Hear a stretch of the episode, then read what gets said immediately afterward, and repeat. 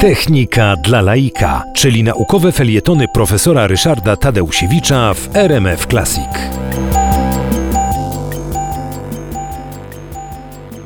Językiem, który obecnie jest najbardziej chyba popularny, ciągle jeszcze dzierży palmę pierwszeństwa we wszystkich rankingach popularności narzędzi programowania komputerów, jest język o bardzo krótkiej nazwie C.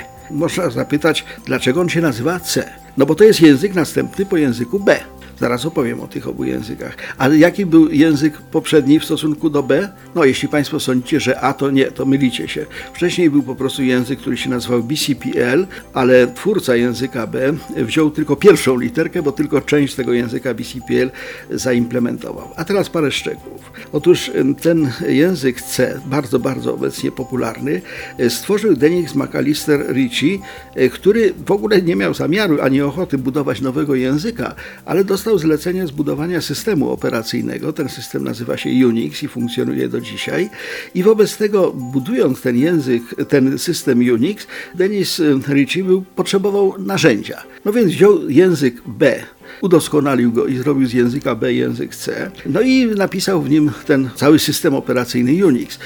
Unix okazał się przebojem, okazał się bardzo popularny, ale jeszcze bardziej popularny okazał się język C. On jest naprawdę znakomitym narzędziem.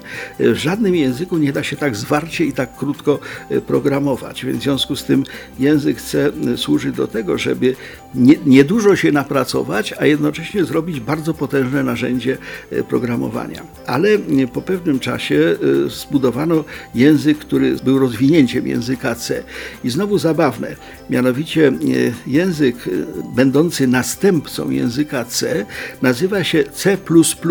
Prawidłowo się mówi C, powiedzmy, no ale C z dwoma plusikami. Dlaczego? Dwa plusy y, po y, czymkolwiek w języku C oznaczają obiekt następny. Jeżeli bym napisał na przykład 7 plus plus, to by oznaczało 8. To jest następna liczba po, po 8. Jakbym miał jakąś listę uczestników, to jakbym napisał na przykład nazwisko Tadeusiewicz plus plus, to byłoby następny na tej liście po moim nazwisku. Wobec tego C++, czyli ten język następny, no jest następcą języka C.